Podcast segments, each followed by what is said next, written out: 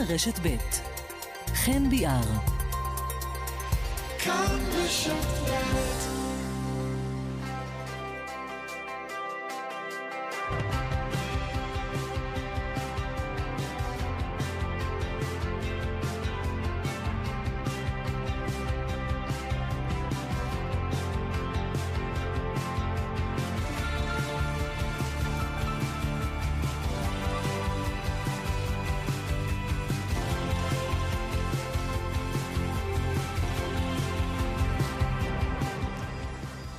שלום רב, ערב טוב לכם. יום שלישי בשבוע, היום הצפוני, כאן צפון, בכאן רשת ב', אנחנו עם uh, מגזין האקטואליה הצפוני, בשעתיים הקרובות עד 11. עוד מעט נהיה בנשר, נדבר על uh, מפגש של פורום המשפחות השכולות שבוטל ברגע האחרון, מפגש שהיה אמור להתקיים בתיכון העירוני עם uh, תלמידים, תיכוניסטים, אבל ברגע האחרון, uh, בלחץ העירייה וועד ההורים, המפגש הזה מבוטל, עוד מעט נשמע אה, עמדות וצדדים לכאן ולכאן.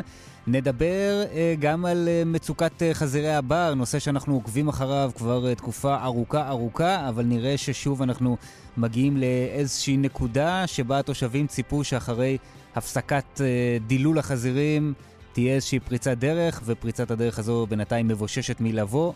נדבר כאן אה, בהרחבה גם בנושא הזה של אה, חזירי הבר בכרמל. האלימות בחברה הערבית, עוד מקרה בסוף השבוע האחרון של אה, ניסיון לפגוע או להפחיד ראש רשות, במקרה הזה זה היה ראש עיריית אה, סכנין, אבל זו תופעה שהולכת וגוברת, ראשי רשויות שמאוימים, שמנסים לפגוע בהם, ניסיון של ארגוני הפשיעה וגורמים עברייניים לחדור לשלטון המקומי בחברה הערבית. נדבר גם על התופעה הזו והפרלמנט הצפוני, ענייני התרבות, הספורט, אם יהיה לנו זמן, הכל הכל. עד השעה 11, נדב רוזנצוויג מפיק את המשדר הזה, אוסקר טרדלר על הביצוע הטכני, אנוכי חן ביאר, האזנה טובה.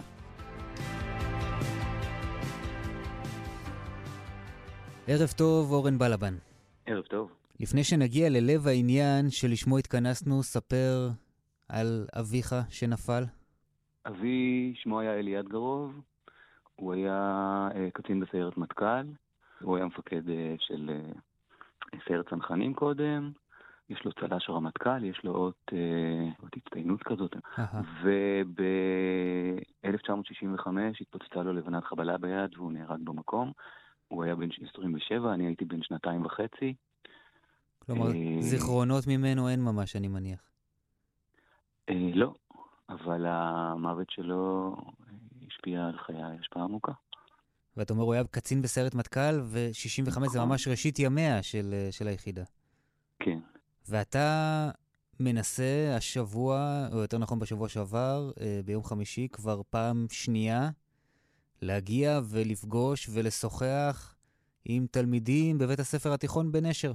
כן, אני חבר בפורום המשפחות השכולות הישראלי-פלסטיני לשלום ולפיוס, ככה הוא נקרא הארגון הזה. זה ארגון שחברים בו אנשים, הן פלסטינים והן ישראלים, שאיבדו אה, קרוב משפחה לסכסוך, ואחרי תהליך שהם עברו, כך או אחרת, הם החליטו שהם אה, מעוניינים לפעול להפסיק את מעגל הדמים, בייחוד לאור הניסיון שלהם, ולפעול לפיוס. ומכיוון שאנחנו בתוך הארגון הזה מצליחים להתפייס, אה, אנחנו חושבים שאפשר לייצא את ה... החזון הזה גם החוצה, וזה מה שאנחנו עושים בין השאר בבתי ספר. ומי היה אמור להגיע למפגש הזה בנשר? אה, שלושה אה, חברים ישראלים מהפורום אה, ושלושה חברים פלסטינים, שכאמור כל אחד מהם איבד מישהו. זה כבר שנה שנייה, לפני שנתיים הגענו באותו הרכב, לפני שנתיים הגענו בפועל, והיה שם אחד ההורים שהפגין. היה שם איזה עניין עם מנהלת שהגיעה למשרד החינוך והחזירו אותנו כלעומת שבאנו, לא נתנו לנו... שאתם כבר פיזית ממש נמצאים בשטח בית הספר. כן, כן, היינו בחדר מורים, היו...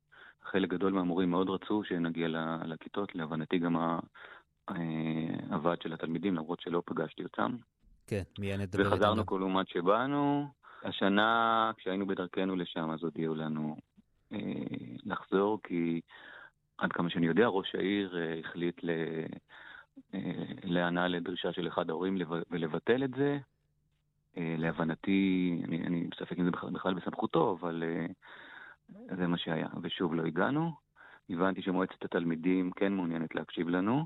האמת היא שאנחנו נשמח לבוא לדבר עם כל מי שמוכן להקשיב לנו.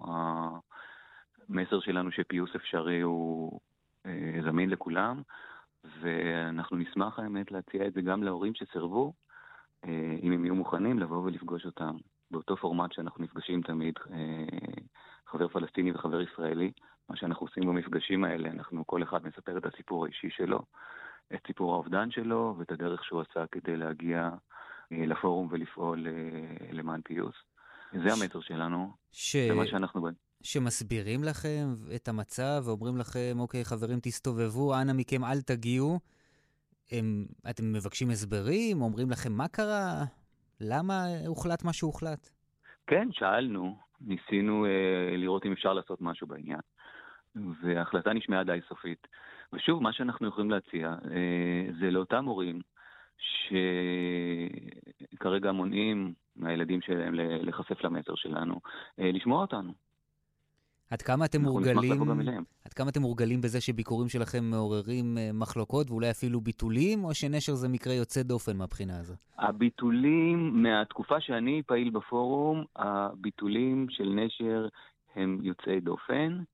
אבל uh, לפעמים יש הורים שלא מוכנים, יש ילדים שלא מוכנים ל- להיכנס ל- לשמוע אותנו. וכאן צריך אה, להגיד, המפגש איתכם, לפי מה שאנחנו מבינים, לא היה בגדר חובה לתלמידים, אלא מלכתחילה זה היה מפגש שהוא מפגש אה, למי שרוצה. אני לא יודע מה, מה הבית ספר אה, עושה מול התלמידים שלו. בשיעורים, ש... ב, ב, כשאני משתתף, מעולם לא, לא הכריחו מישהו להיות עד כמה שאני יודע. מה זה מעורר בכם? שאתם אה, מקבלים את הביטול הזה, שאתם מבינים שהביקור הזה מעורר כל כך התנגדות? אולי גם יש איזשהו מקום שבו אתם מבינים, אה, יכולים להבין את ההורים, את החשש שלהם גם אולי מצד שני? אולי אני יכול להבין, אבל אה, אני יכול להבין לאור זה שאני חושב שאנחנו מאתגרים את התפיסה של אויב. כן, אנחנו נפגשים עם מי שנתפס כאויב או כאויב בעבר, אבל זה כולם אנשים שכרגע פעילים למען שלום ורוצים להפסיק את מעגל הדמים ורוצים אה, לייצר פיוס, והפיוס אפשרי, זה מה שאנחנו מראים. אנחנו אה, נותנים לילדים גם לפגוש אה, פלסטיני שחי בגדה, במציאות אה, מקבילה לשלנו. לפגוש אותו לא דרך אה, אה, מחסום או דרך כוונת, אלא לפגוש בן אדם. בן אדם שאיבד אה, מישהו ולשמוע את הסיפור שלו, לשמוע גם את הסיפור שלנו. אנחנו מעוניינים לפגוש את הבן אדם שיש בצד השני, לא את האויב בצד השני. אה, אני יכול להבין למה זה מאיים, אני לא, קשה לי להסכים עם זה, וכל מה שאני יכול לעשות זה להציע גם לאותו מי שחש מאוים, אה, לבוא להיפגש איתנו, לראות מה יש לנו להגיד. אנחנו לא מציעים תוכנית, אנחנו מציעים חזון שפיוס אפשרי.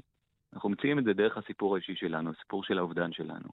אה, אנחנו מראים שהאובדן והכאב של האובדן הוא אנושי והוא קיים בשני הצדדים. אין לנו אובדן לגיטימי ונכון ואובדן לא לגיטימי ולא נכון. אה, זה החזון שאנחנו מציעים. אה, אני גם חושב שהעובדה שאנחנו מצליחים לעמוד משני צידי מתרס ולבנות גשר, אה, יש מה ללמוד ממנה. לא רק בסכסוך הזה, בכל כיתוב שהוא.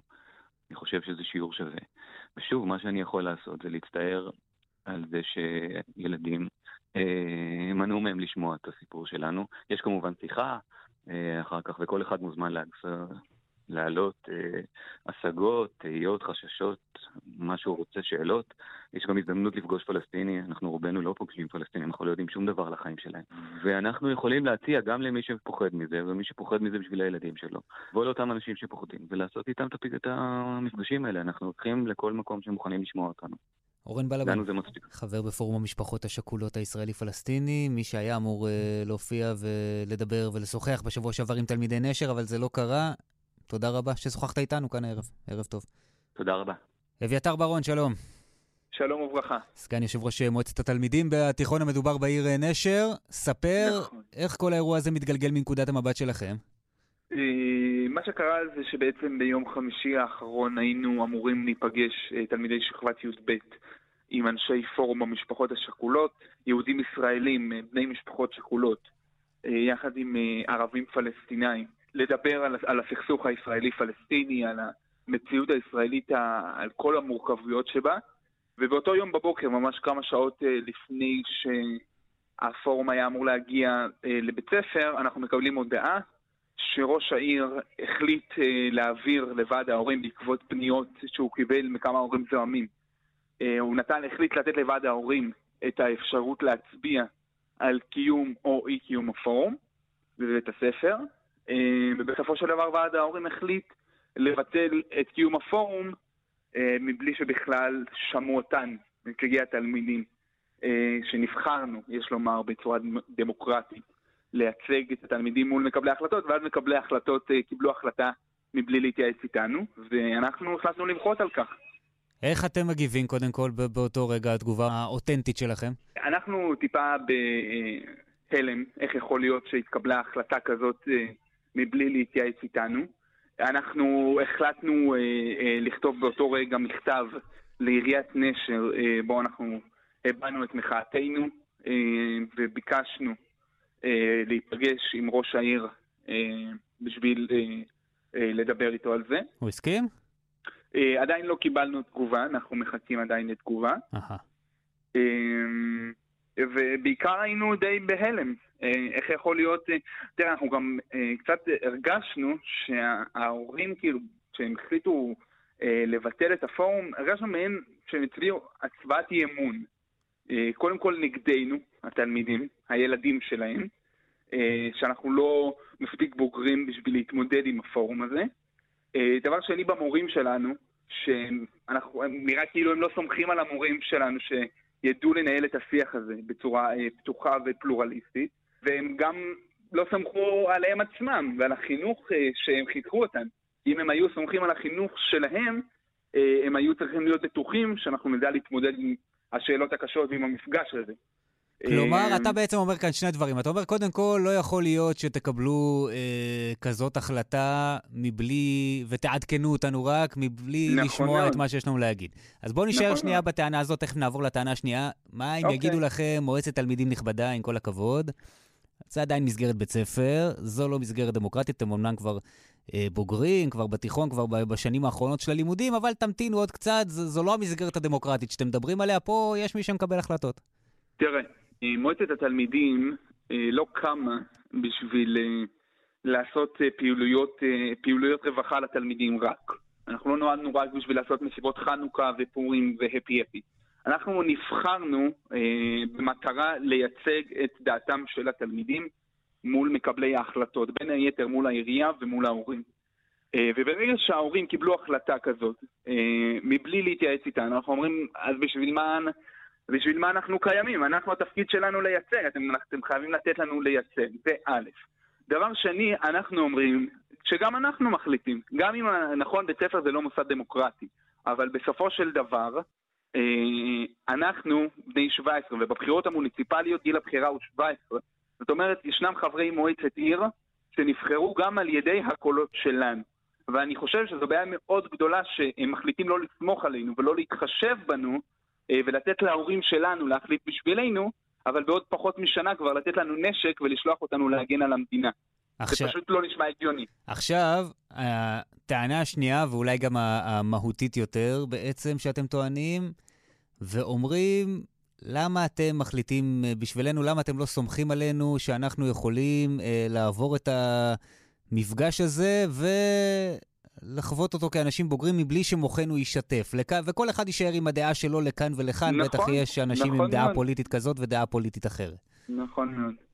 תסביר תראה, את, ה... אה, את העמדה הזו.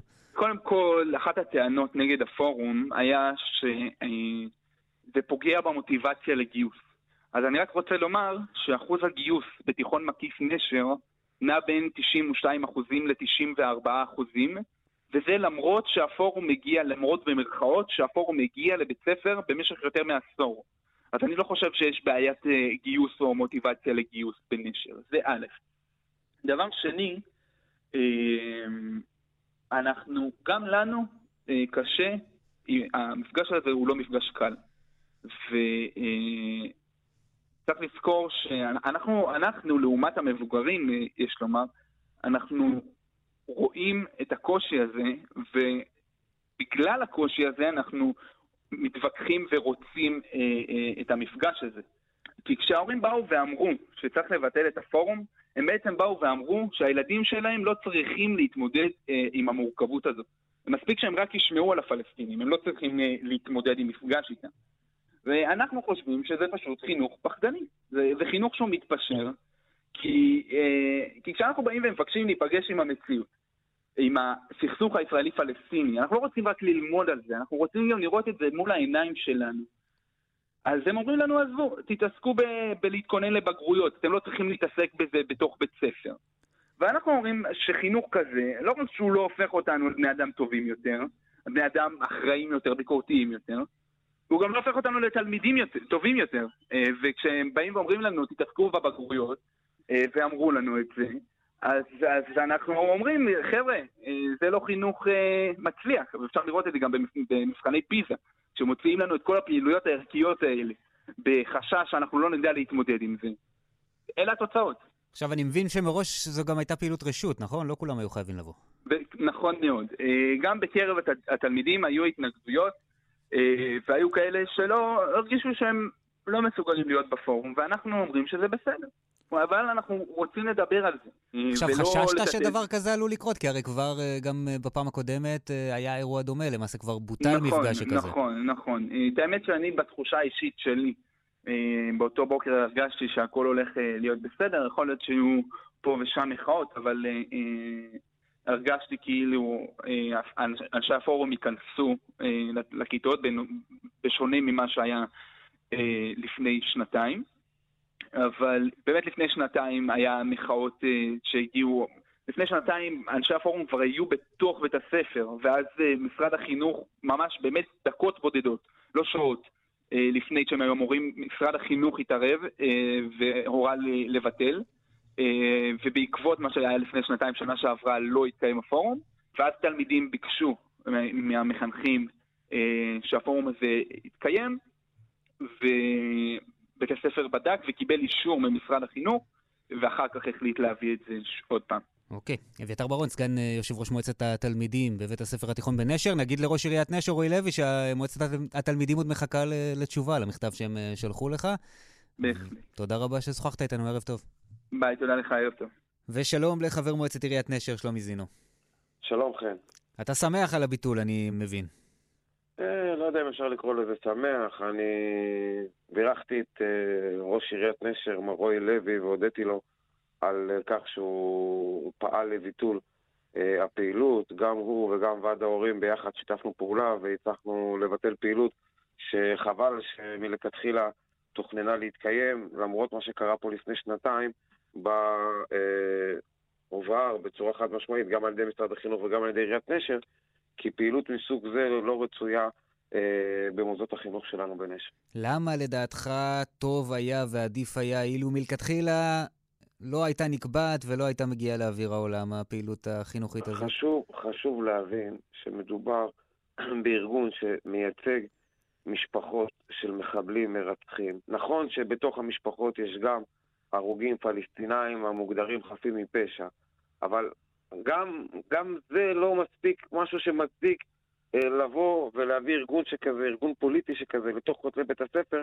ולתת להם להשמיע עמדה חד צדדית, בלי שום אפשרות של דו-שיח, לקהל, אני קורא לזה קהל שבוי, תלמידים בתוך מוסד החינוך, בשעות החינוך, בעצם אף אחד לא באמת אה, מאפשר להם אה, להשתתף או לא להשתתף, ואני חושב שבכלל פעילויות פוליטיות בתוך מוסדות החינוך רצוי שיבוצעו בצורה מדודה ומבוקרת ועל פי הנהלים, והנהלים של משרד החינוך מדברים באופן חד משמעי על כך שצריך להביא את הצד השני, עמדה נגדית. עכשיו, כל הרעיון של, של הארגון הזה בכלל, אני חושב שהוא אחד הארגונים שמדינת ישראל, אה, משרד החינוך ובכלל בכנסת צריכים לעשות חקיקה נגד ארגונים שהם בעצם פועלים נגד אה, הלגיטימציה של פעילות אה, צה"ל וכוחות הביטחון ונגד הלגיטימציה של מדינת ישראל. ומה שהבעיה, הבעיה זה הנרטיב.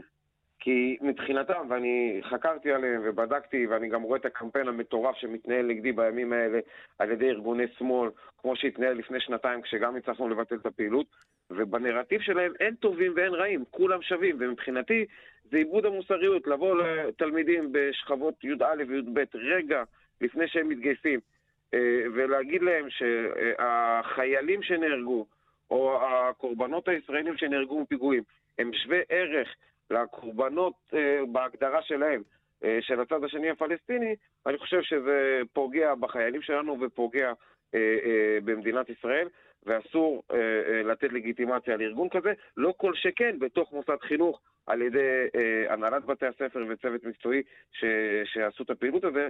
דבר נוסף שגם מדגיש את הבעיה שבעניין הזה, שהם עשו את זה מבלי לידע את ועד ההורים ומבלי לידע את העירייה, שלמרות שהיא לא מתערבת בפעילות הפדגוגית של, של, של מוסדות החינוך. טוב, במקרה, אה, במקרה הזה התערבה בסופו של דבר. כן, כן, אבל, אבל גם מה זה התערבה? בוא, זה לא שראש העיר בא והחליט ואמר, חבר'ה, זה לא יהיה וזהו. שיתפו את ועד ההורים.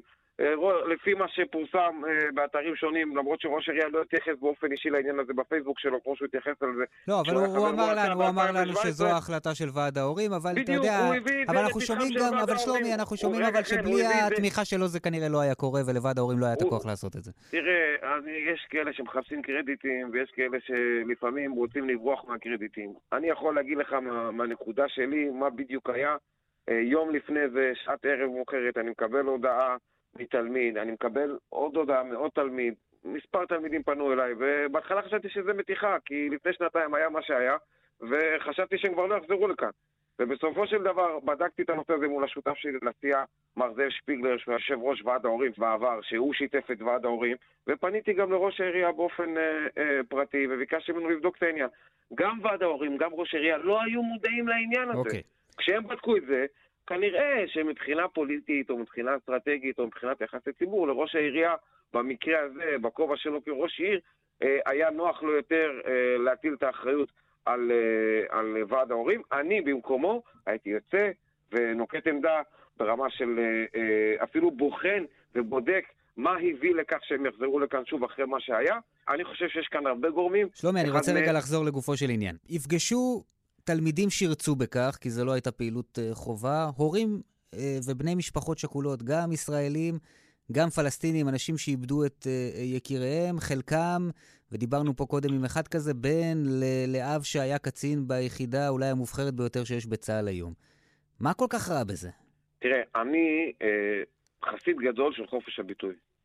אבל בין חופש הביטוי לבין מה שקורה פה, כן? אה, יש אה, תהום גדולה מאוד, כי אף אחד לא מונע מהם, ולצערי, כן? לעשות פעילות שכזו ביום-יום, אה, במתנסים, באולמות, בכל מיני דברים כאלה. אבל אנחנו, כשאנחנו שולחים... מתנס בטח גם היית מתנגד, היית אומר שזה של העירייה. לא, לא, כשאנחנו שולחים ילדים למוסדות חינוך, גם הילדים שלי נמצאים במוסדות חינוך בעיר נשר, אני לא מצפה שיכניסו ארגונים פוליטיים בשעות פעילות בית הספר, וגם כשמכניסים, הייתי מצפה שכמו שעושים פאנלים פוליטיים, שמביאים כל מיני חברי כנסת מכל מקומות, וכל אחד מציג את העמדה, והם מנהלים שיח ומנסים להגביר את, ה, את, ה, את הפלורליזם ואת חופש הביטוי בפני התלמידים, אז שיהיו כמה עמדות ושכל אחד יקבל את העמדה. אבל באים לכאן, מביאים הורים שכולים, כביכול, שכ... לא, הורים שכולים באמת מהצד הישראלי, ומשפחות של מחבלים או כאלה שחפים מפשע, שדרך אגב, זה שהם נהרגו, מי שאשם היחידי בזה שהם נהרגו, זה רק אותם מחבלים שמשתמשים בגופם כמגן אנושי, ואתה תוכל, תוכל להסכים איתי שאין שום צבא יותר מוסרי בעולם לא, מהצבא שלנו לא שמשקיע, רגע, שמשקיע הון ופועל גם אסטרטגית על מנת לפגוע, להימנע מפגיעה בחפים מפשע. מאה אחוז, מאה אחוז. עכשיו, אז עכשיו, אתה מדבר על הוויכוח, אתה מדבר על לגיטימיות, למה הם לא פנו לארגונים אחרים לבוא ולהציג עמדה שונה משלהם. למה דעת היחיד הזאת? למה ניסיון שטיפת המוח הזה? פנה אליהם מנכ"ל אה, אה, ארגון בצלמו, שזה גם ארגון זכויות אדם, רק מה שהוא לא מזוהה עם המצד של המפה הפוליטית שאותו פורום מזוהה איתם. מר שי גליק, הוא פנה באופן אישי ליושב ראש מועצת תלמידים, ביקש לבוא ולהופיע בפני התלמידים, ועד כה אפילו לא, נהנה, הוא לא, הוא לא קיבל שום תשובה. מה זה אומר? זה אומר שזה לא מדובר במאבק למען חופש הביטוי, אלא בראייה שלי, זה מסע שטיפה חד צדדי. מה, השמאל השתלט על מועצת התלמידים? כן, כן. אומרים לך במועצת התלמידים, חברי מועצת התלמידים, אומרים, סליחה, אתה מזלזל בנו. בנשר, הרי זו עיר שרוב... אה, אה, אנחנו רואים בבחירות האחרונות, רוב אה, תושביה הם מצביעי ימין, כלומר, כנראה שגם רוב התלמידים באים מבתים ימניים בהשקפת עולמם. אומרים לך חברי מועצת התלמידים, סליחה, תן לנו קרדיט שאנחנו מספיק בוגרים וחכמים ואינטליגנטים, ואנחנו מתגייסים בצה, לצה"ל באחוזים גבוהים מאוד ומצטיינים בבית הספר בנשר בעניין הזה, ותן לנו את הקרדיט שאנחנו מסוגלים גם לבוא ולשמוע דעה שונה, בלי שמוחנו ישתף ואני לא יודע מה יקרה. אני נותן להם את כל הקרדיט. אז למה אתה לא, לא מאפשר מסכים, להם לשמוע? לא מסכים עם הדעות שלהם, וכל מועצת התלמידים, רוב מועצת התלמידים, אה, הנבחרים שבהם, הם עם עמדות שמאל קיצוניות, אבל מה לעשות, אוקיי, הם דמוקרטיה, נבחרו. אני, אני מכבד את זה, כן? יחד עם זאת, אני בא ואומר, יש לנו מספיק מקומות שבהם ניתן לארגן כל פעילות שהיא בגדר הלגיטימיות, לדעתי כרגע באופן חוקי הפעילות של אותו ארגון היא לגיטימית, אם אני הייתי מחוקק הייתי דואג להעביר חוק שפעילות כזאת היא, אה, לא תהיה לגיטימית, אבל במסגרת חופש הביטוי, אם בכל זאת רוצים לבוא ולנהל דו שיח איתם, עם אנשים שמכרסמים אה, אה, אה, אה, בעם שלנו ובמוטיבציה של החבר'ה הצעירים להתגייס לצה"ל והופכים את החיילים שלנו רוצחים, מי שרוצה לנהל איתם שיח, שיזכיר אולם, או שיפנה למועצה כדי לקבל איזשהו אולם במחיר מוזל, יפרסם הודעות ויזמין את האנשים, ומי שירצה להגיע, להגיע. יש כאן סיבה ויש כאן הסבר למה הם באים לבתי הספר שלנו בתוך שופט הפעילות וגם לשכבות מסוימות. הם לא באים לילדים בכיתה ח', בכיתה ז', הם באים לא. לילדים בכיתה י"א וי"ב. כי הם בוגרים בשביל להבין את המורכבות יותר. שנייה לפני שהם מתגייסים לצה"ל. ואתה יודע מה? אני רוצה... אה, משפט אחרון רק, כי זמננו כבר הסתיים מזמן. משפט אחרון, אני אומר, בסופו של דבר, שלא יבלבלו את המוח, אנחנו מדינה דמוקרטית ויכולים לנהל שיח איפה שהם רוצים, לא בבית ספרנו, ואני קורא לחברי הכנסת מהימין, נכון שאין ממשלה כבר שנה ו- ויותר, זה עניין אחר. שאחד החוקים הראשונים יהיו להסדיר את הדבר הזה, כדי שדברים מהסוג הזה לא ישנו. וחבל, ו- וחבל, ואני מסיים במשפט, וחבל שמנהלת התיכון ומנהל קריית החינוך אה, ארגנו את הדבר הזה, זה דבר שמתסיס את העם, ואנחנו מספיק אה, אה, אה, אה, במחלוקות ומריבות, ואני מקווה שאנחנו נדע לנהל דיונים ענייניים, ולא אה, כמו שקורה ברשתות החברתיות בימים האחרונים, מאז אה, פורסם הדבר הזה, כשכל ארגוני השמאל מסיתים נגדי באופן אישי ונגד תושבי נשרי. יש לעצור את הדבר הזה. שלומי זינו, חבר מועצת. עיריית נשר, תודה רבה, ערב טוב. תודה רבה. אנחנו ממשיכים במעקב שלנו אחרי תופעת חזירי הבר המשוטטים שהופכים אה, למטרד והופכים נפוצים יותר ויותר בעוד ועוד אה, אזורים בחיפה. אני רוצה להגיד שלום לירון חנן. שלום חן, מה נשמע? טוב מאוד, פעיל אה, חברתי, פעיל סביבתי, לשעבר חבר מועצת אה, עיריית חיפה מטעם הירוקים, ואתה עמוק בתוך העניין הזה, וגם בניסיון לפתור אותו או להציע פתרונות ולהקל על חייהם של התושבים, שאנחנו מקבלים יותר ויותר תלונות, וזה, אני לא יודע אם המספרים הולכים וגדלים, אבל שעות הפעילות של החזירים ברחובות חיפה הולכות והופכות אה, רחבות יותר, זה בוודאות. גם וגם. גם המספרים גדלו וגם אה, גם השעות פעילות שלהם, כן. וזה, וזה וזה עוד בקצב עלייה. את זה אתה מייחס למה? להחלטה של העירייה, שאנחנו זוכרים מלפני כמה חודשים להפסיק את הפעולות של הדילול, או שהדילול מראש לא היה כאן העניין? הדילול אה, לא היה פתרון לבעיה, אה, חזירים היו גם לפני שהופסק הדילול. הדילול זה נכון שהוא צמצם חלק מהבעיה, אבל זה לא היה נסבל גם אז. כן, אני כבר עשר שנים בנושא הזה, וכל ערב בגינות לידי חדרו אה, חזירי בר, גם כשהיה דילול. כלומר, זה לא איזשהו אה, פתרון קסם, הוא לא אפקטיבי. אה, באיזשהו מקום גם הוא יכול לעודד אה, רבייה של אה, חזירים. ישנם פתרונות אחרים, אבל אה, אם לא נעבור את הדקה ה-90. ישנם. פתרונות אחרים? כי שמענו הרבה גורמים, גם בזמנו באותו שיח שהעירייה קיימה עם התושבים, שבעצם השורה התחתונה, הדי מדכדכת צריך להגיד, הייתה, תראו, בכל העולם מתמודדים עם זה, או יותר נכון, בכל העולם לא מתמודדים עם זה, וזה לא שאנחנו שונים, לנו אין פתרונות, וגם במקומות אחרים בעולם אין פתרונות. יש תופעה שגם קורית בעולם, שמאחרים את הרכבת. אה, עוסקים בהכחשה, לא רוצים להשקיע בזה משאבים, אה, יש התנגדות, אה, אחד אה, ש- שלא רוצים, אה, ל- לא רוצים אה, שהבעיה תהיה על השולחן, כי הם פוחדים שזה יהפוך אה, מיד לירי בחזירים, ומהצד השני יש כאלה שמיד קופצים לפתרון הזה. אה, ואז מאחרים את הרכבת. אנחנו בחיפה ממש בדקה ה-89 לדעתי, אם אני מקווה שלא עברנו לדקה ה-90, וזה הזמן האחרון שעוד אפשר לעשות פתרונות לפני שהאוכלוסייה מכפילה את עצמה, כי חזירים עירוניים מסתבר, פשוט זו אוכלוסייה שמכפילה את עצמה כל שנה. מכפילה את עצמה עד כדי כך, שנה. ממש, ממש הכפלה כן. של כמות הפרטים. בגלל שהם מבויתים לבני אדם, מבויתים לשכונות המגורים שלנו, אה, ושם יש להם מזון אה, אחר מהמזון שיש להם בטבע, אה, והם מרגישים שזה קל יחסית להשגה, אבל אז זה מעודד את הרבייה שלהם. ו- ואתה אומר, אתה אומר כאן. ירון, הם מבויתים אה, ומתרגלים אלינו, ולמעשה חזיר בר, כאשר הוא מתרגל לבוא במגע עם הסביבה של אה, בני האדם, עם הסביבה העירונית, הוא למעשה כבר לא לגמרי אותו חזיר בר, נכון? הם, יש ממש. שינוי ב- באופי שלהם וב... זה, זה מין אחר, זה מין אחר, זה מין שמשתלט, אה, והוא גם אה, מפריע לחזירים אה, המקוריים שנמצאים בטבע. זאת אומרת, זה מין שהוא, אה, שאף אחד לא רוצה אותו. גם מי שעוסק באקולוגיה ועוסק בשמירה על חיות הבר, לא רוצה שהמין הזה ישתלט, אוקיי? עכשיו, כשהוא משתלט בצורה חסרת שליטה, כבר ברמה שאי אפשר, אה, אפשר כבר להפעיל פתרונות אה, הומניים, אז נותר רק דבר אחד, לקטול אותם ואפילו לעשות בהם טבח. וזה מה שעושים במקומות בעולם שאיחרו את הרכבת. אז דווקא חובבי, חובבי בעלי החיים, אני מקווה שהם ילמדו קצת את הנושא, כי אם ילמדו את הנושא הם יגלו שמה שאנחנו עושים במאבק שלנו זה טוב גם לבני אדם וגם לחזירי הבר. כלומר, אנחנו מגינים על שני הצדדים פה, שלא צריכים לדור זה ביד זה, זה אחד עם השני, כי הם חודרים לשכונות והחיים הופכים להיות בלתי נסבלים, והם לא לא טוב לחזירי הבר, משום שברגע שהם מתרבים, הם הופכים למטרד ואפילו לאיום, ואז אה, בסוף כבר אה, שום פתרון לא עוזר, רק הקטל ההמוני שלהם, ואנחנו לא רוצים להגיע לשם.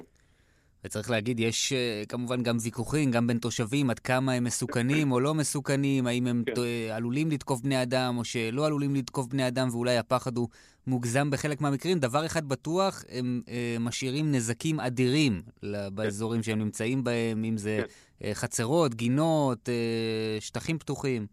נכון, גם לגן הבאי, דרך אגב, כדאי לדעת, הם גורמים נזקים עצומים שם, גם לגנים ציבוריים וגם לגינות הפרטיות ולתשתיות. וזהו, הנזקים הם מספיקים כדי שנתחיל לטפל בבעיה, לא צריכים לחכות למפחיד או לא מפחיד.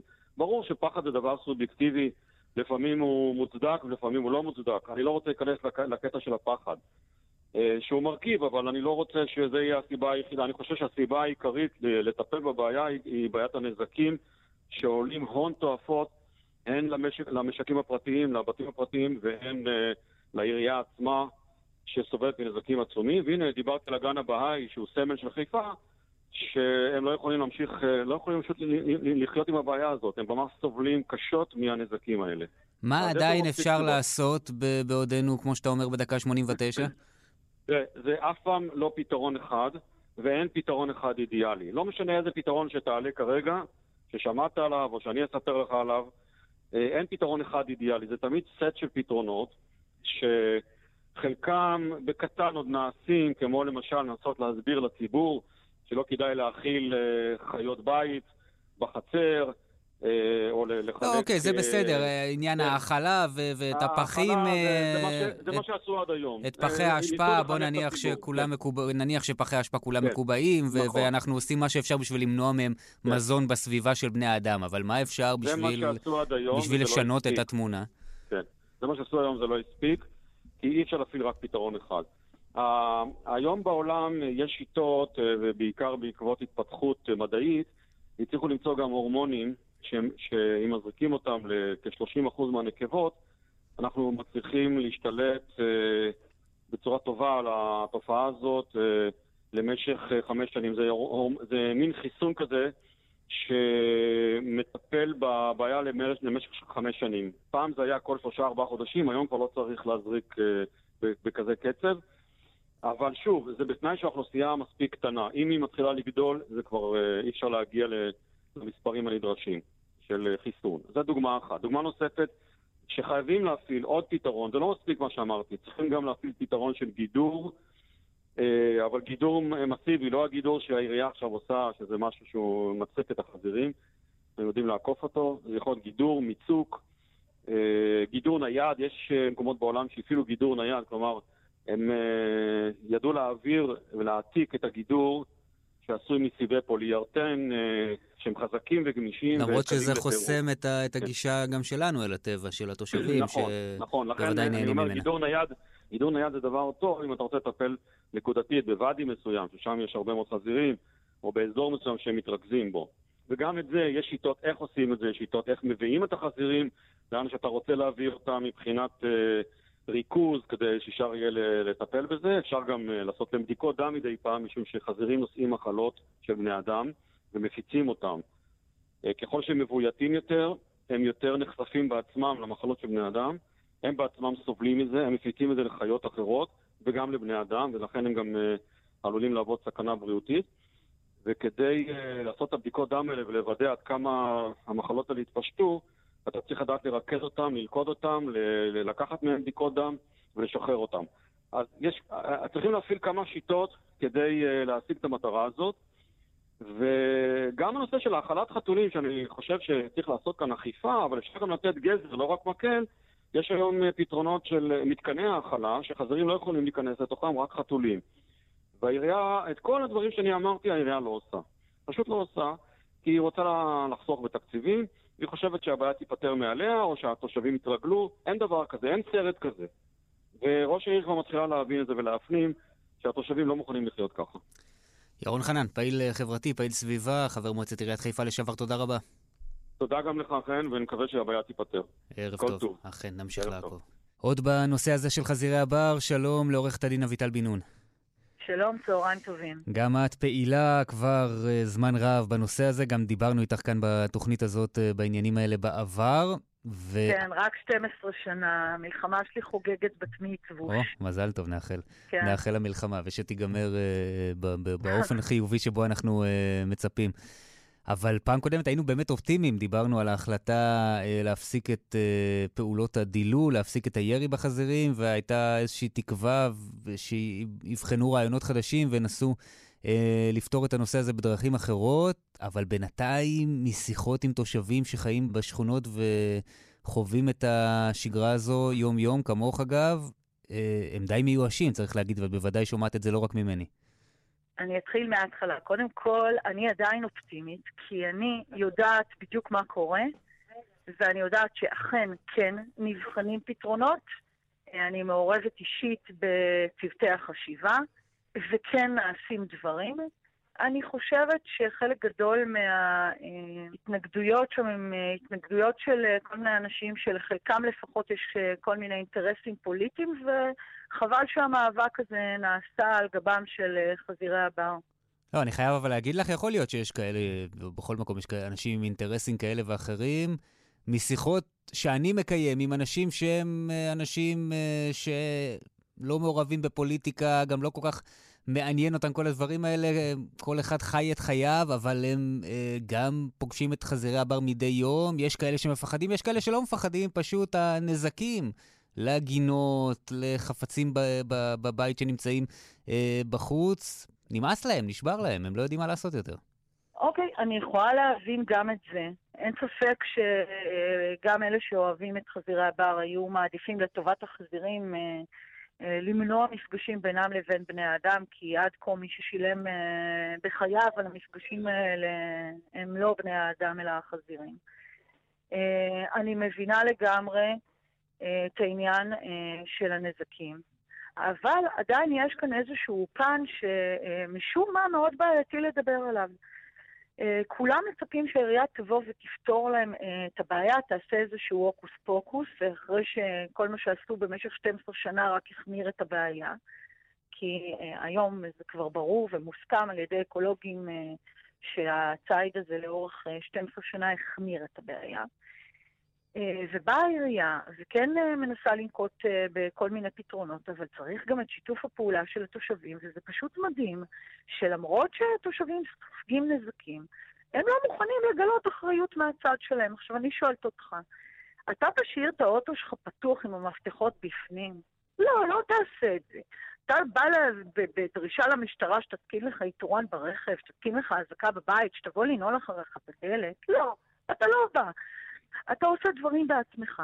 עכשיו, אנשים שם, הרי החזירים, בוא, הם לא מחפשים את המפגש איתנו, הם מחפשים מים ומזון. מקורות מזון ומים קוראים להם להיכנס, ומבחינתם זו הזמנה. עכשיו, אנשים ש...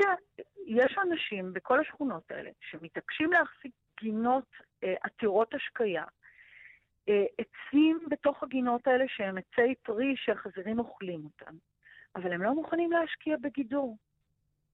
הם מצפים שהעירייה תממן להם את הגידור. עכשיו, באמת, צריך טיפה היגיון בעניין הזה. עכשיו, אנשים באים, אתה יודע, לפני כמה ימים אה, התראיינתי לתוכנית של שי בשידור, עומדת שם איזו אישה זקנה, אומרת, אה, אני נורא ניגלת מהם. אה, אני ביום שבת לקחתי את הנכדים שלי לגן האם, והייתה שם להקת חזירים. מה הם באו לעשות שם? הם באו לאכול, כי ביום שישי חגגו בני נוער שם והשאירו שאריות מזון. אז בוא, אם אנחנו לא ניקח אחריות, ולא נחנך את עצמנו, ולא נחנך את הילדים שלנו, שזה, ושמים בפח ולא משאירים מקורות מזון, אז תהיה בעיה לעירייה. כי גם תראי, אם העירייה נכון, תבוא אני, אני... ותפ... ותמגן פחים ותפנה פחים, אם אנחנו מפזרים זבל בלי הכרה סביבנו, ומשקים גינות, ולא מגדרים, ומשאירים את ספרי, אז, אז בוא, למה אנחנו מצפים בדיוק? תראי. אנחנו לא גרים בראשון לציון, אנחנו גרים בעיר עם טבע. אני מאזין לך קשב רב, אבל בסופו של דבר גם אי אפשר לבוא בטענות לתושבים, אה, וזה נכון, גם אפשר לקבל את זה שכל מה שעשו 12 שנים אחורה, אה, בקדנציה של ראש העיר הקודם יונה יהב, כנראה לא הצליח, כי עובדה שהחזירי הבר עדיין כאן במספרים הולכים וגדלים. אבל גם אפשר לצפות מהעירייה שאחרי שנה אה, בשלטונה של ראש העיר דוקטור עינת קליש רותם, ואחרי שהיא לא באה מנוהוור, אלא ישבה במועצת העיר, הכירה בוודאי את הנושאים האלה, היה אפשר לצפות ל... ליותר וליותר מעשים ולתוכנית יותר מסודרת, עם כל הכבוד זה... לצוותי החשיבה, לא, שבינתיים בוא, אז... החזירים לא, לא, הולכים לא, ומתרבים. ו- ולא ניתן יהיה לא, לפתור את הבעיה הזאת לא יותר. נכון, זה לא נכון, זה פשוט לא נכון, זה חלק לא נכון? מהפופוליזם? של המפגינים. יש מחקר שמבוצע אה, במימון של העירייה על ידי אקולוגים, שהיא, אה, עינת קליש נתנה הוראה להתחיל לעשות אותו כבר מזמן. אה, ולפי התוצאות אה, אה, של המחקר הזה עד כה אין שום התרבות. בו הציד הופסק בסך הכל לפני ארבעה חודשים. משך הריון של... אין אפילו התרבות? אפילו לא ארבעה חודשים. משך הריון של חזירה הוא יותר מזה, פתאום כבר יש התרבות, וחי, רגע, אין, זה לא נכון? ברור שלא. ומה לג... מה לגבי הופעתם בשעות היום שלא נצפתה הם ב... מופיעים בשעות היום כבר מלא שנים, זה ממש לא מעכשיו. ו- כלומר, מה, אגב, כל, ה- כל התושבים, מה שמדווחים, מה שמספרים, לא, אתם, זה כאילו קשקושים? יש שם, כמה, יש שם כמה שמחממים את העניינים, ובהיסטריה אה, מסיתים את כולם, ואז זה רוכבים עוד איזה כמה גורמים עם אינטרסים פוליטיים. ובוא נגיד שהעובדות הן לא בדיוק כמתואר, הדברים אה, יצאו אה, מפרופורציה. עכשיו תשמע, אה, אתה צריך להבין שכשראש עיר נכנס לתפקיד שלו, הוא נכנס על תקציבים קודמים. זה לוקח זמן לארגן תקציבים כאלה. זה לוקח זמן לבנות תוכניות. אנחנו רק עכשיו חזרנו מכנס של יומיים ברמת הנדיב עם אקולוגים מכל העולם, שכולם מסכימים שם על האי-יעילות של הציד. אז קודם כל היא הפסיקה צעד שגרם לנזקים. דבר שני, חלק מהתקציבים, ממה שכבר אפשר לארגן מעכשיו לעכשיו, כי אי אפשר להעביר תקציב. אתה חי על תקציב של שנה קודמת. אז אה, חלק מהתקציבים כבר מש... מש... משומשים ל... אה, ביצוע אה, כל מיני אה, פטנטים של גידור ומעברי בקר שמבוצעים בחלק מהשכונות. אני אומר, ינואר, תקציב חדש יהיה לעיריית חיפה. אנחנו נכון. אנחנו הולכים נכון. לראות מה המשאבים אדירים כן, שיושקעו כן, בשביל... אתם הולכים לראות שינוי. אתם הולכים לראות שינוי. בוא אני אגיד לך, תשמע, 12 שנים בקטע של יונה יהב, כל מה שעשו זה שילמו 750 אלף שקל לצייד שהחמיר את אוקיי, הבעיה. הפסיקו, את, הפסיקו את הדילול, עמדנו כאן לפני כמה חודשים, אכלנו כף, עכשיו אבל רוצים לראות תוצאות. לקחו את הכסף, אה, אה, בוא, התוצאות הן לא מהיום להיום, אם תבדוק אה, כל מיני מחקרים שבוצעו בעולם על ממשק של ערים וחיות בר, אתה תראה שזה דברים שלוקחים זמן. לא רואים צעדים חדשים, לא רואים כאן משהו אז אחר. זה, לא, זה פשוט לא נכון, אז אתם לא מסתכלים טוב, כי אני אומרת לך שכבר יש קיבוע של פחים בכל רחבי העיר. אני ראיתי תמונות של פחים שקובעו. הפחים האלה מקובעים לא לפי שכונות מועדפות אה, כמו שנתקלנו בעבר, אלא לפי מקומות שבהם יש בעיה אקוטית של הפיכת פחים. ועדיין, בשכונה שהכי מתלוננים עליה, ואנחנו רואים את זה בקבוצת הסיירת של חזירי הבר, אנחנו רואים 90% מהתלונות בכרמליה, אתה מגיע לשם אה, ואתה רואה בית ספר שסייעות בסוף הצהרון זורקות ארגזים של אוכל מחוץ לפח, שזה הזמנה לחזירים. אתה רואה אה, פחים עולים על גדותם, אתה רואה ברזים מטפטפים בגינות, אתה רוצה, רואה עצי פרי, סליחה. אבל זה לא חוכמה לבוא בדרישות לעירייה שתנגב לכם את התחת, אתם אנשים מבוגרים, לא, רגע, פחים עולים על גדותיהם, זה. כן עניין של עירייה, ועצי פרי, אני לא חושב שיש ציפייה שאנשים לא יגדלו עצי פרי יותר, או שיגדרו אז כל עץ תגדרו את פרי. הגינה שלכם. יצירי, אין לי שום אבל בעיה, ראינו תיסע גם, ג-. אגב, ראינו, זה לא אבל אתה צריך גדר. לעשות ביטוח ראי- ולא להשאיר את הדלת של לא, הרכב אבל, פתוחה אבל זה גם לא. גדר, אבל בוא נהיה גם הוגנים, זה לא גדר סטנדרטית. אני ראיתי גינות וביקרתי בגינות מגודרות שהחזירים מוצאים דרכים להיכנס, זה לא כל כך פשוט כפי שאת מתארת את זה. אכן, אתה רוצה לה, להחזיק אה, לקסוס, אתה רוצה להחזיק פורש, אתה רוצה לה, להחזיק מזרטי, לא, הוא רוצה את הגינה הביטוח הקטנה שלו, הוא לא רוצה. הוא לא רוצה פורש הביטוח ולקסוס. יעלה לך בהתאם. אז כמו שאנשים מתקינים אזעקות כדי לשמור על הבתים שלהם, אז אם יש לכם גינה שאתם מתעקשים לגדל בעצי פרי, ומתעקשים להשקות בדשא, כאשר זה מהווה גורם משיכה, דעו להגן על רכושכם. זה הכל. תוך כמה זמן את מעריכה ש- שככה צוותי החשיבה יבשילו ושנראה איזשהו שינוי אה, בשטח? הדברים נעשים ומבוצעים כבר עכשיו. אנחנו מקווים שהתושבים מתישהו גם יבינו ויחליטו לקחת אחריות על המעשים לא, שלהם. אוקיי, זה, גם. זה ברור, אבל מבחינת התהליכים של העירייה, אמרת, זה לא מהיום למחר, זה לוקח זמן. זה מתי ממש התושבים לא, ששומעים אני- אותנו אני- יכולים לצפות לראות אה, שינוי בשטח? אני לא יודעת, אבל אני מניחה שאלה דברים שלוקחים הרבה זמן. אני יכולה להגיד לך שבקייפטאון, שהתמודדו עם אה, אה, בעיה של חזירים, לקח כמה שנים, עם בעיה של בבונים, לקח כמה שנים עד שהם הצליחו בהדרגה להפחית את הנוכחות של הבבונים בתוך העיר. וזה שרוצים פתרונות, רוצים פתרונות. דרך אגב, מה שמדהים זה שחלק מהגורמים שמזדעקים עכשיו ישבו בקו... בקואליציה בזמנו עם יונה יהב, וכל השנים הם לא דרשו בדיוק פתרון אחר, זה מאוד לא, מעניין. אנחנו מדברים פה על התושבים, לא, לא, לא, לא, לא על הגורמים ש... אה, בסדר, אבל עזוב. הכל שם מעורבב, וכולם לא, לא, את כולם. ו- יש, יש הרבה... תראי, הקונפליקט יש הוא בין בני פוליטיקה... אדם והוא על הגב של בעלי החיים. כאן רשת ב' חן ביאר. כאן רשת ב'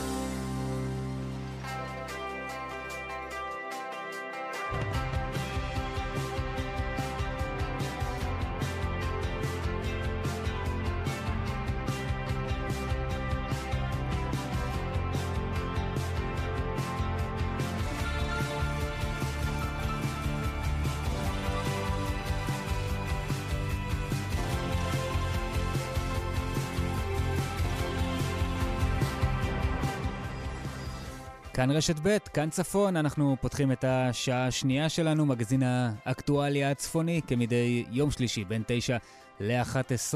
אתם uh, מוזמנים uh, להצטרף אלינו אם אתם מצטרפים, או להישאר איתנו אם כבר הייתם בשעה הקודמת. נגיד שנדב רוצצוויג מפיק את המשדר הזה, אוסקר טרדר על הביצוע הטכני, ואנוכי חן ביאר, עד 11. האזנה טובה. ועכשיו, הפרלמנט הצפוני של כאן רשת ב'.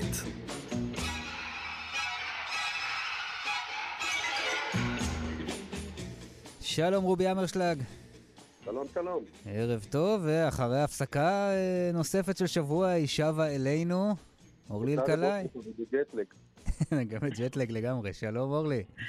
שלום, שלום חברים, לא, אצל- jet lag, הכל בסדר. לא, אצלך עכשיו זה צהריים טובים רציתי להגיד. זה גם נכון. מתי נחתת? אתמול בבוקר. או-אה. אז את נכון. עדיין בשעון ניו יורק. אני עדיין בשעון ניו יורק, ונורא כיף להיות לפנטז על ניו יורק, זה ייגמר בדיוק מחר בבוקר. נו, חשבת עלינו הרבה בשבוע האחרון, אני בטוח. ממש, לנו אני גם. הסתכלתי. ודאי, אני גם הסתכלתי על כל אה, ידיעה והודעה שהוצאתם. איזו שאלה, ברור. הקפדנו לא להוציא שום דבר מהאזור שלך. לא קרה כלום בתקופה שלו. אני שמחתי עליכם במאה אחוז שתדעו לכסות את הגזרה כמו שצריך. אני חייבת לומר שהגזרה שלי בשבוע האחרון, בין החמישית לשביעית לשמינית, הייתה מדהימה. לא, אם- אני זוכר נכון, אני חושב שבוואדי עארה התנהגו ממש למופת בשבוע הזה. אבל לא, הודענו להם מראש שאורלי הולכת, כאילו. עכשיו אתם אומרים חכי, הם חיכו לך. נכון. הם נצרו את האש לשבוע הזה. הבנתי, גם אני אוהבת הם, אה, חברים טובים את אתם. חברים טובים אתם. לא, זה אין חשש. אין חשש. טוב, מה שלומה של ניו יורק בימים אלו? ניו יורק מדהימה, אתם יודעים. אה, מוכנה לחג המולד? מה זה מוכנה? ואני הייתי באחד הימים שיש להם יום אחד אה, לפני ה Christmas, ככה משהו כמו שבועיים לפני, עשרה ימים לפני, שכולם מתחפשים לסנטה. וגם שותים בערך כמו סנטה. אתם רואים שם ברחובות חבורות חבורות, כאילו יצאו מאיזה חטיבה או מקולג', כולם לבושים כמו סנטה, כולם גם שותים כמו סנטה, וזה פשוט מדהים לראות אותם מסתובבים ברחובות, ואיך אה, כששאלתי למה, חשבתי שהם הולכים לאיזה הצגה, או מדובר באיזה כיתות אה, שיש, אמרו לי, זה יום הסנטה. אז אתם פשוט פוגשים מלא מלא סנטה, מזג האוויר האיר פנים, לא היה כל כך קר, מלבד יום אחד אה, בוושינגטון שהיה קר מאוד אפילו, אבל סך הכל אה, ניו יורק מדהימה, אתם יודעים, כמו תמיד. לא, אנחנו לא יודעים. האמת לא, שזה... אנחנו לא יודעים. בואי אה, נפתח אז את זה. בוא נדבר, אה, מר אמרשלג, רגע, לא אה, ביקרת? בוא נדבר על מוסקבה בבקשה. לא, שנייה, רגע, אני רוצה. לראות שאני לא לבד. בניו יורק לא היית, רובי? לא, האמת שהייתי, אבל חלפו כל כך הרבה שנים. אוקיי, אני לא לא התחילו הייתי, אני מגדלים. מתוודה. לא, טרם, חן, טרם מספיק אה, אותי. ניו יורק אמרה שהיא תחכה לך בשלוש שנים אני- הקרובות. אני מודה לה. אני מודה לה מאוד. בשלוש שנים הקרובות היא אמרה שהיא תמתין לך. רובי ואני נשלים פערים. אה, אני בשבוע הבא מנר ראשון עד נר אה, רביעי, לדעתי זה יוצא, הולך לבדוק ככה מה קורה, איך חוגגים את חנוכה באתרים הנוצריים החזקים בעולם ה... במזרח אירופה, גיחה קצרה ככה לאכול סופגניות אי שם. במזרח אירופה. רובי? סליחה? במזרח אירופה? כן, כן, אוי, נפלא. כן, כן. Christmas, חנוכה, הכל ביחד. חן, שמעת? אני פה, אני לא נוסע אה, לשום לא, מקום. לא, רק אני שאלתי. אם חן שמע. לא, אני לא. שמעתי, חן שמע. אני כאן. אה, מי- מישהו צריך להישאר. אני- סליחה, אני לפחות אביא טובלרונים לחברים, כן? אה, אז זה בדיוק העניין, אה, רובי אמרשלג. טובלרונים מזמן לא מביאים, אוקיי? יש דברים אחרים. אני אסביר לך בסוף השידור מה, איפה לקחת בדיוטי פרי מאיפה מה.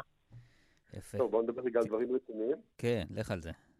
אה, ממה נתחיל? אולי, אתם יודעים, בימים האחרונים אנחנו שומעים הרבה מאוד על אה, תאונות של רוכבי אופניים חשמליים ורוכבי קורקינטים, משהו שלמזלנו באזור שלנו פחות רואים, אבל עיקר הכותרות על הנזקים הגדולים האלה יוצאים מתל אביב, ובקריית שמונה עשו היום מהלך משותף לעירייה ולמשטרה, וחילקו קסדות לתלמידים בבית הספר התיכון, בית הספר דנציגר.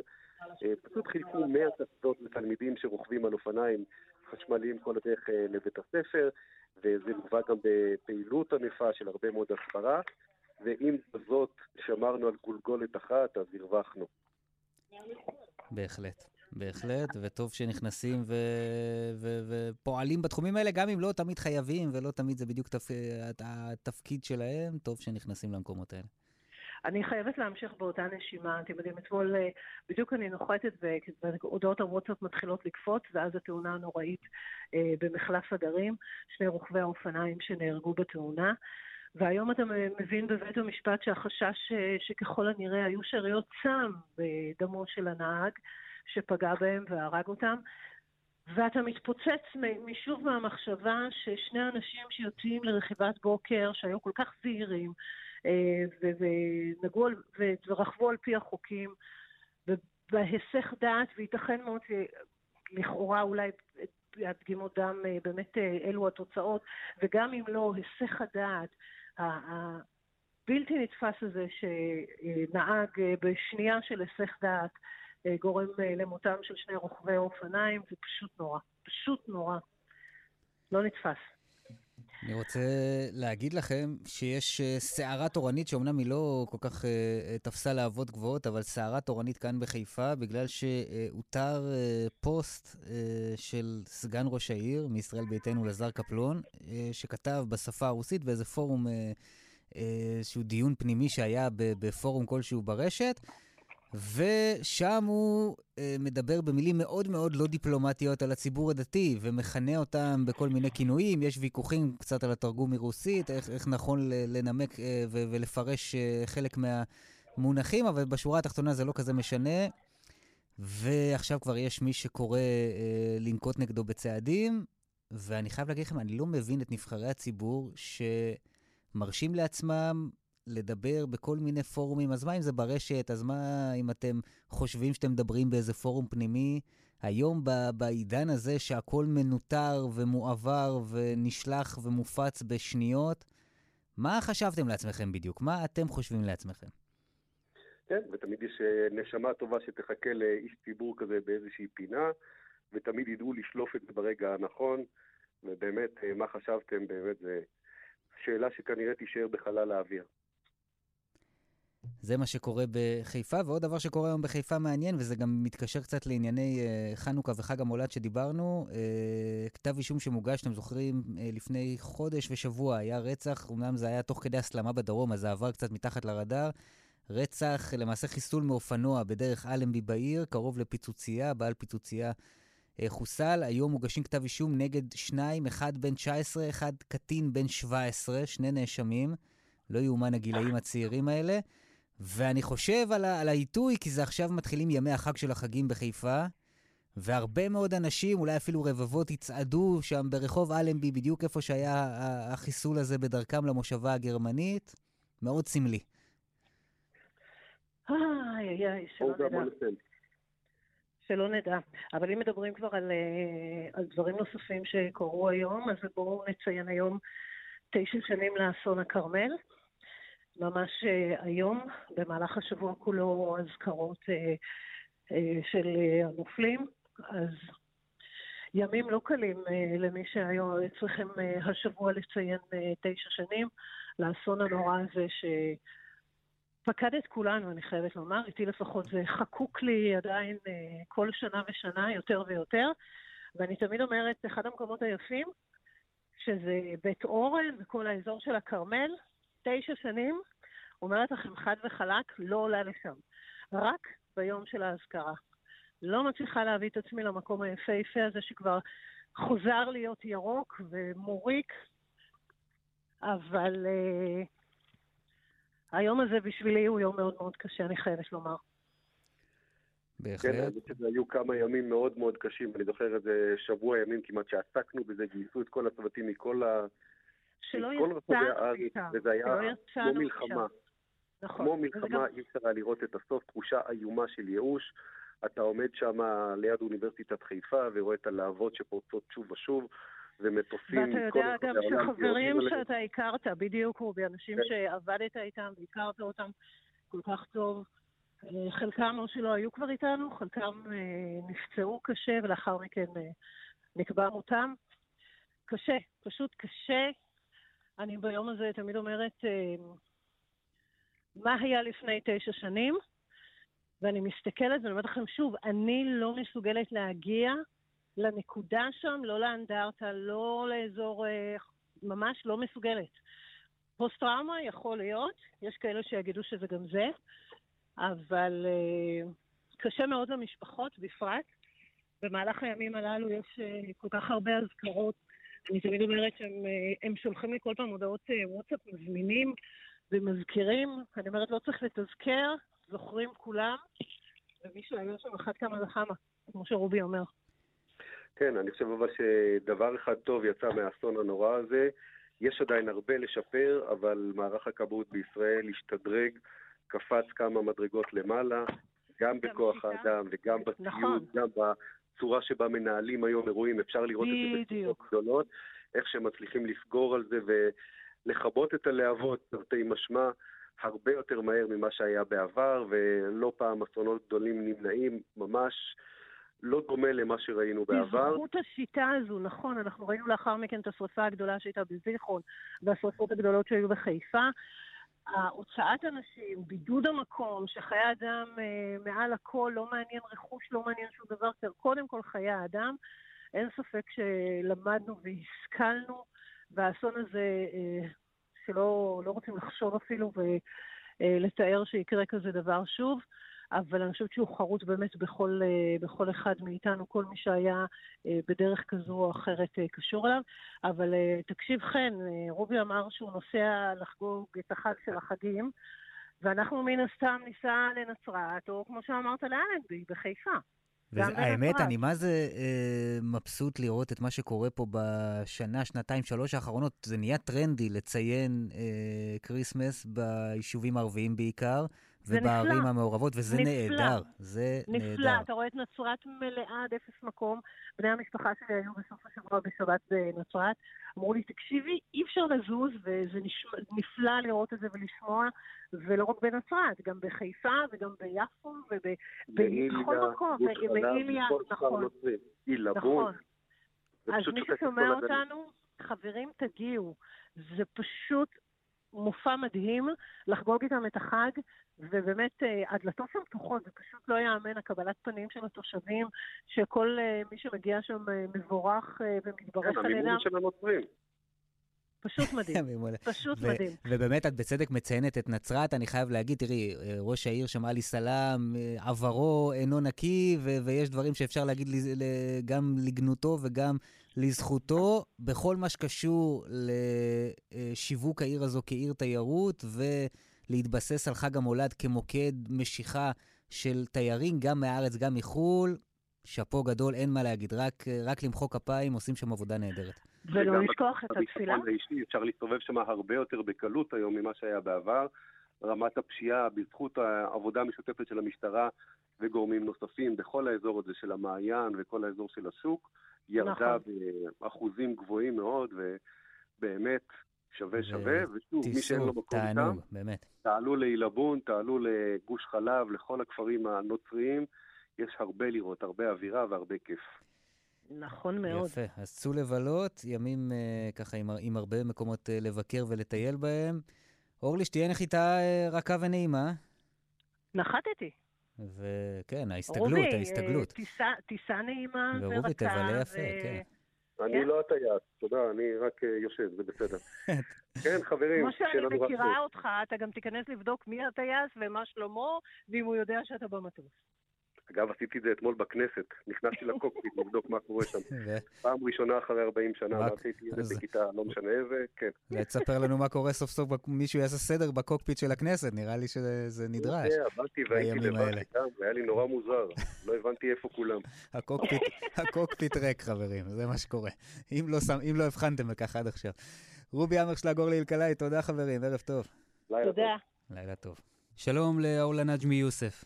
שלום לך ולכל המאזינים. מנהלת שותפה במיזם אה, קהילות בטוחות של אה, יוזמות אברהם, ואנחנו מדברים על התופעה שהולכת והופכת רווחת יותר ויותר של פגיעה ואיומים כנגד ראשי רשויות בחברה הערבית. רק השבוע, בסוף שבוע האחרון, אה, הקורבן התורן היה ראש עיריית סכנין, אבל בעצם יש שורה של אירועים רק בתקופה האחרונה בלבד.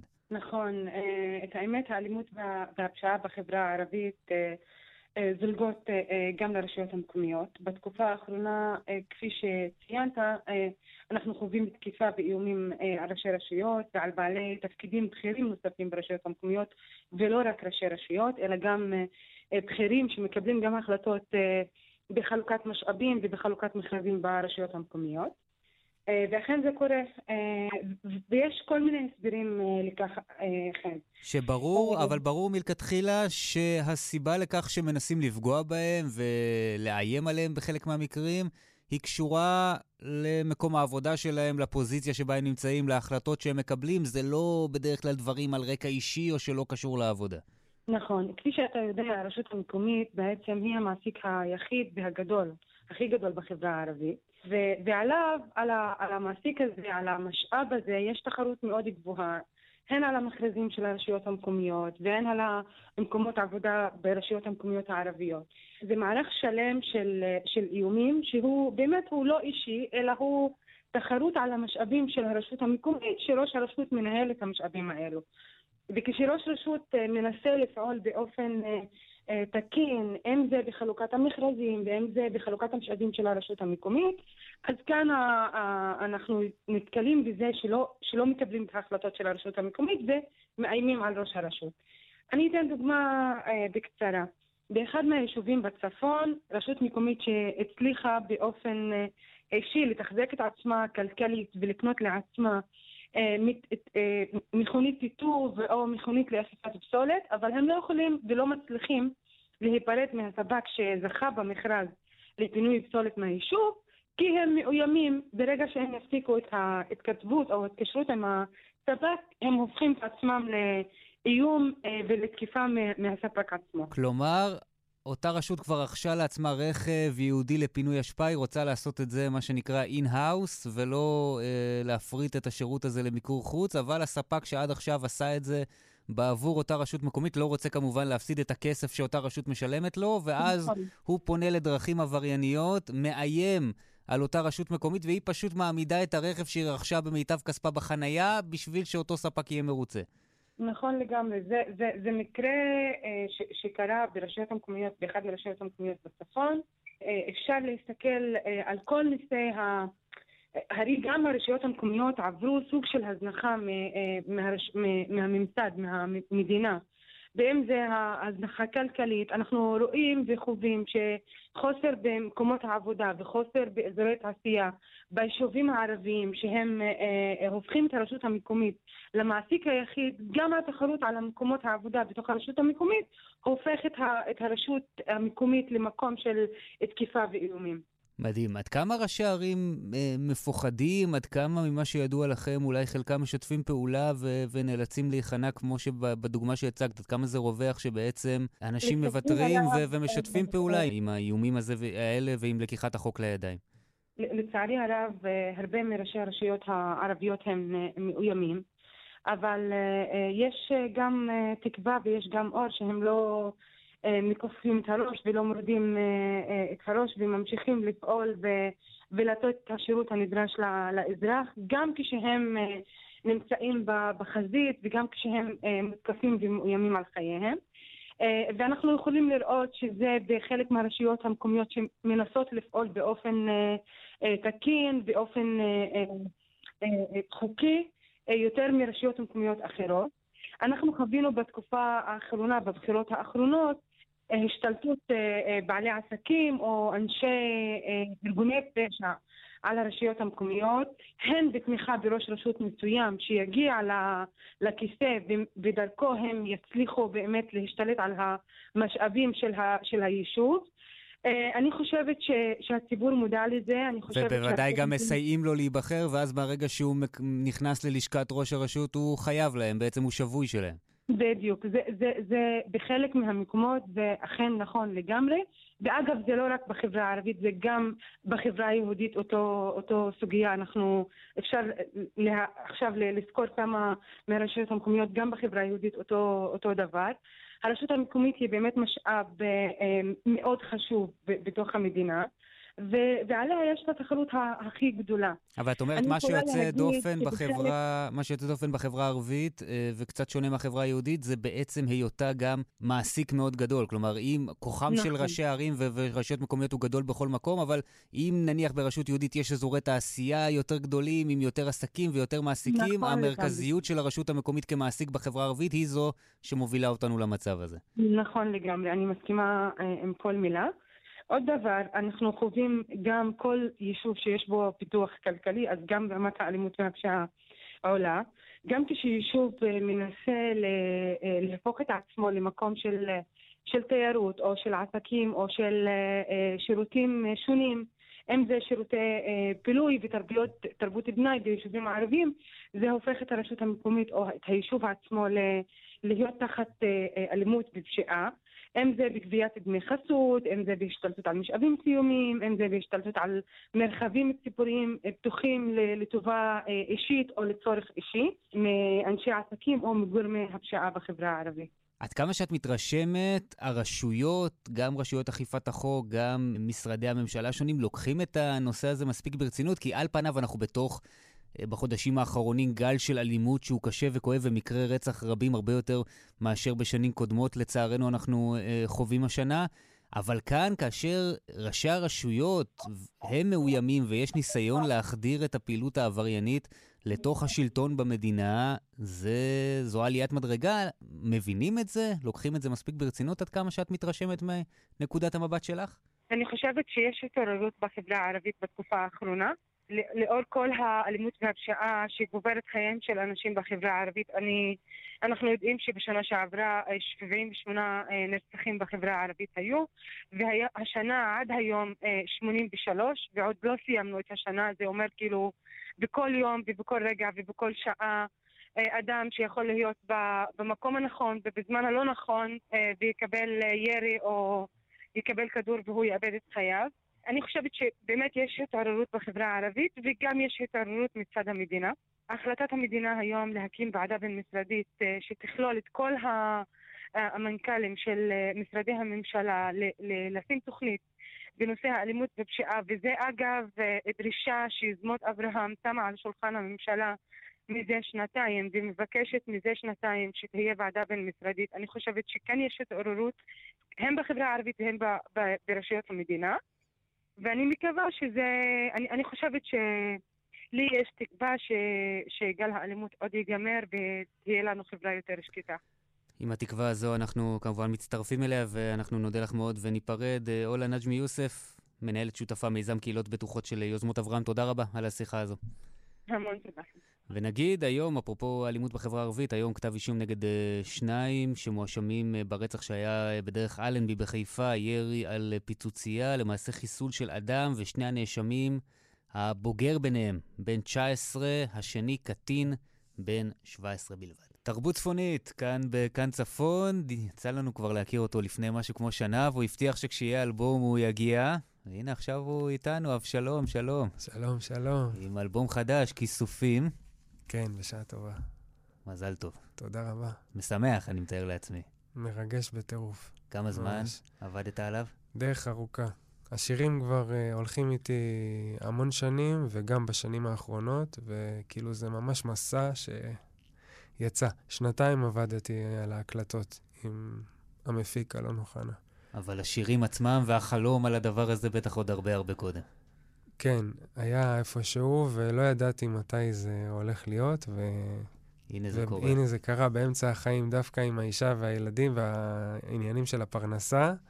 פתאום זה כאילו משהו מבפנים אמר לי, שחרר הכל, תעשה את זה, תעשה את המוזיקה. אני ממש מתרגש בטירוף. אז אנחנו כמובן שמחים בשמחתך, עוד מעט נדבר קצת על כל המורכבויות האלה, אבל נספר שאתה מגיע אלינו מעמק המעיינות, נכון? אמת. ומבית שאן במקור. נכון. וגם עמק הירדן היה שם איפשהו באמצע. היה. אז אתה מכיר את ה... כאן נטוע כאן היטב כן, ב... כן. אצלנו בצפון. כן. אז לפני שנתחיל לדבר, אני מציע שתנגן לנו משהו באולפן. אני ואז אשמח. אנחנו קצת אה, נשוחח ו- וננסה לרדת קצת לעומק של האלבום הזה. מה תשאיר לנו? אני אשיר שיר שנקרא עוד אבוא, שזה מילים של אה, נתן אלתרמן, לחן אה, מקורי שלי. זה השיר היחיד שהוא שיר משוררים שלקחתי והוא באלבום, והוא גם מדבר על געגועים וכיסופים לאחת, לאישה, לבית. עוד אבוא. אבשלום, כאן אצלנו, בכאן צפון. עוד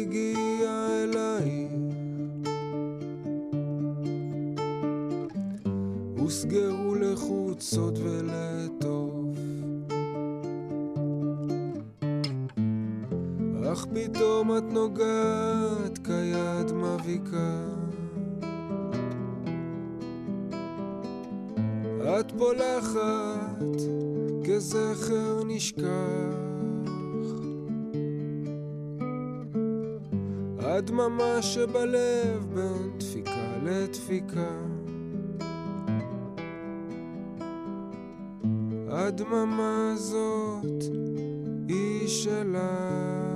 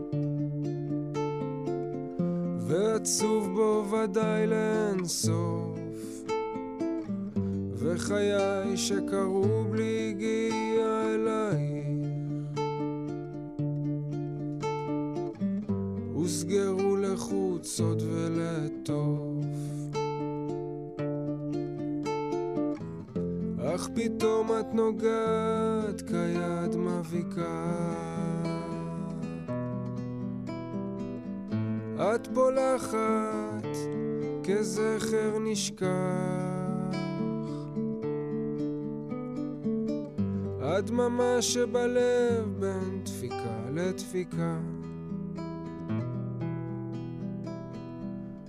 הדממה הזאת היא שלה.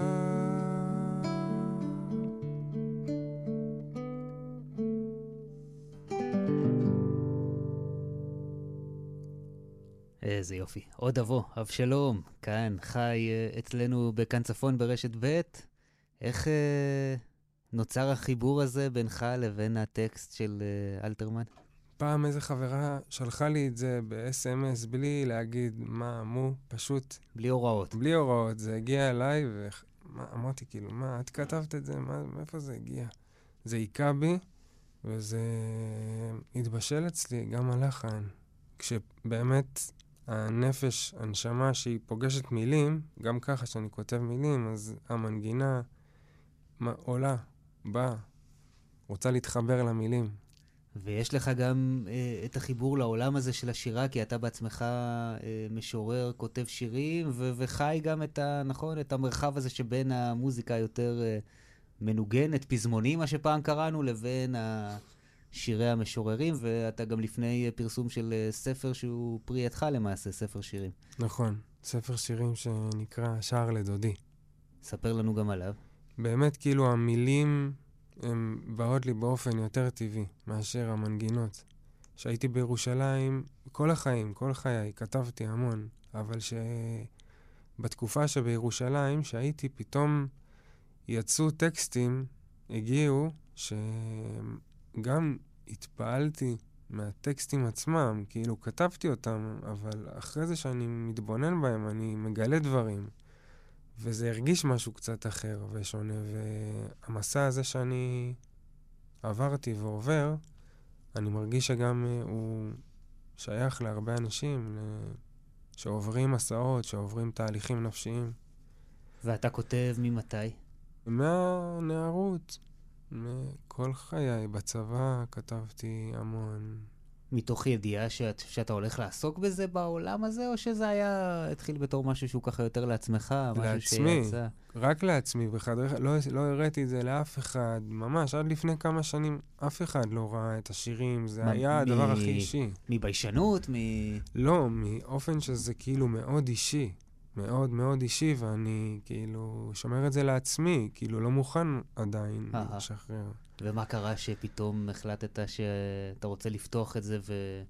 ולצאת עם זה לעולם, ולאן שזה יגיע זה יגיע? כי הרגשתי שקיבלתי פה, מה זה מתנה? באופן שאני רוצה לשרת. אם הדברים האלה הגיעו אליי, אז למה שאני אשמור אותם לעצמי? אני צריך להוציא את זה. ככה הרגשתי. זה התחיל כאילו את השירים, קודם כל שאני מראה רק לחברים ממש טובים, Aha. לחברה, ולאט לאט כאילו חושף בפניהם את הדברים. אבל uh, לא מאיזשהו מקום שעכשיו אני... השירים האלה נועדו לגדולות, וזה ממש באופן של ריפוי. ואתה יודע, אלבום שאתה, שנקרא כיסופים גם בשמו של אחד, ה, אחד השירים, ויש במוזיקה שלך, נכון, איזושהי, הוא ככה שם שהוא מאוד ממצה, נדמה לי, כי, כי יש, יש שם איזו התחברות ל... למשהו אחר, גם איזשהו אולי געגוע מסוים ש- שככה עולה גם מהטקסטים, גם מהמנגינות. נכון. לגעגועים, לגעגוע, ל... בוא נגיד שהרבה שנים היה לי געגוע לאישה, געגוע לבית וגעגוע לאמת. שאתה רוצה להגיע למקום האמיתי שלך, למקום שהוא נכון בשבילך, שהוא התכלית שלך. כאילו, חד וחלק, בלי שום פשרות. יפה. בוא נשמע עוד משהו מתוך האלבום הזה. אוקיי. מה תנגן לנו?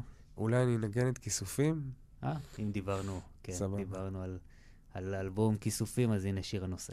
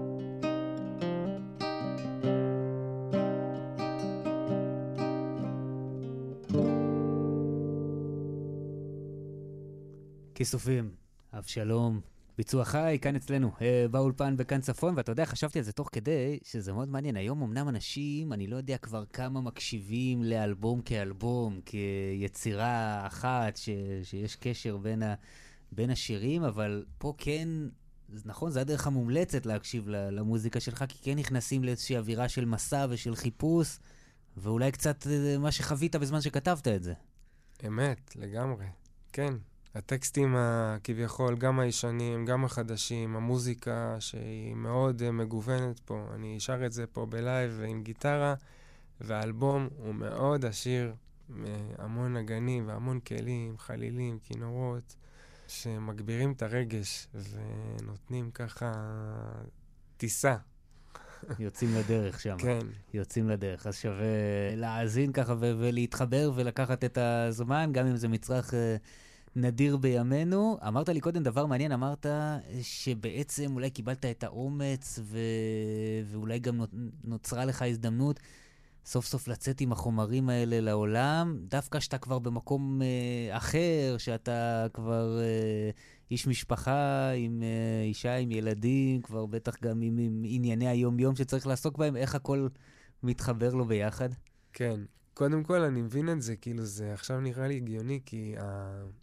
כי ברווקות וזה, אתה לא, הראש שלך הוא מבולגן, והוא לא רציני, והוא לא ממוקד. אצלי, בכל כן. אופן.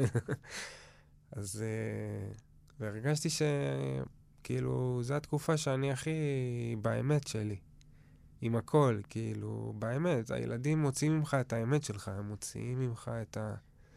הם מוציאים את הלב שלך, כאילו, בקטע טוב. זה למה זה הגיע עכשיו. ואיך מתמודדים, אה, אתה יודע, עם זה שאני מניח שאתה צריך אה, לחיות את חייך, אה, להשקיע את הזמן במשפחה, לעבוד, להתפרנס, איך הכל מסתדר ביחד ואיך מוצאים לזה את המקום הנכון בתוך כל הבליל הזה?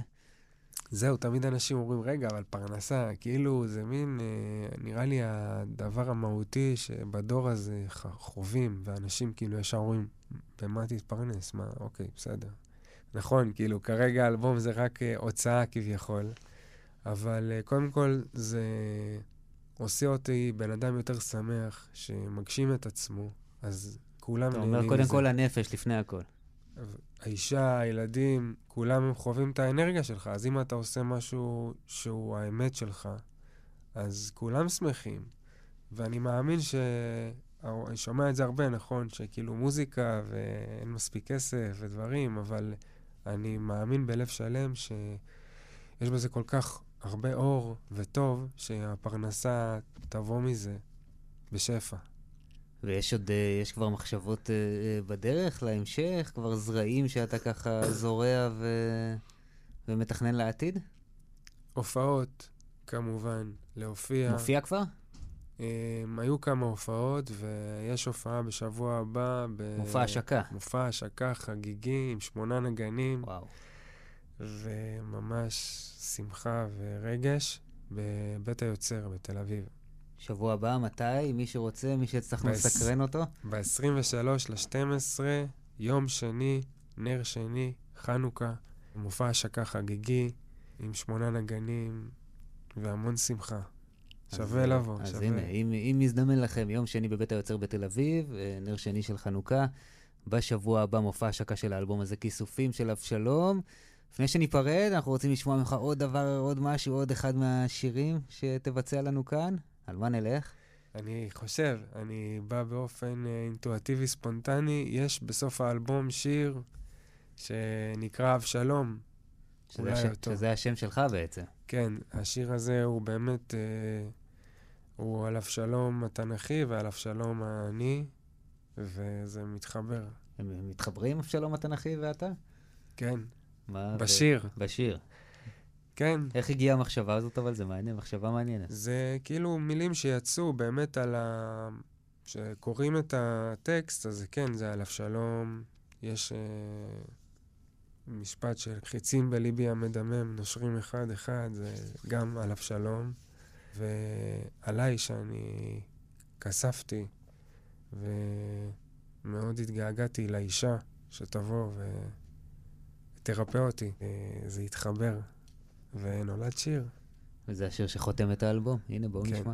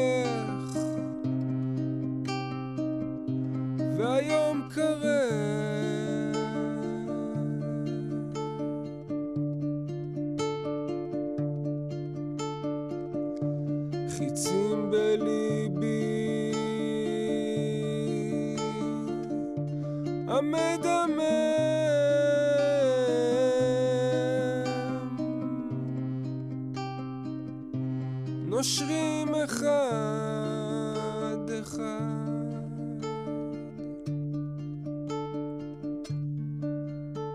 ואת תכסי את פצעי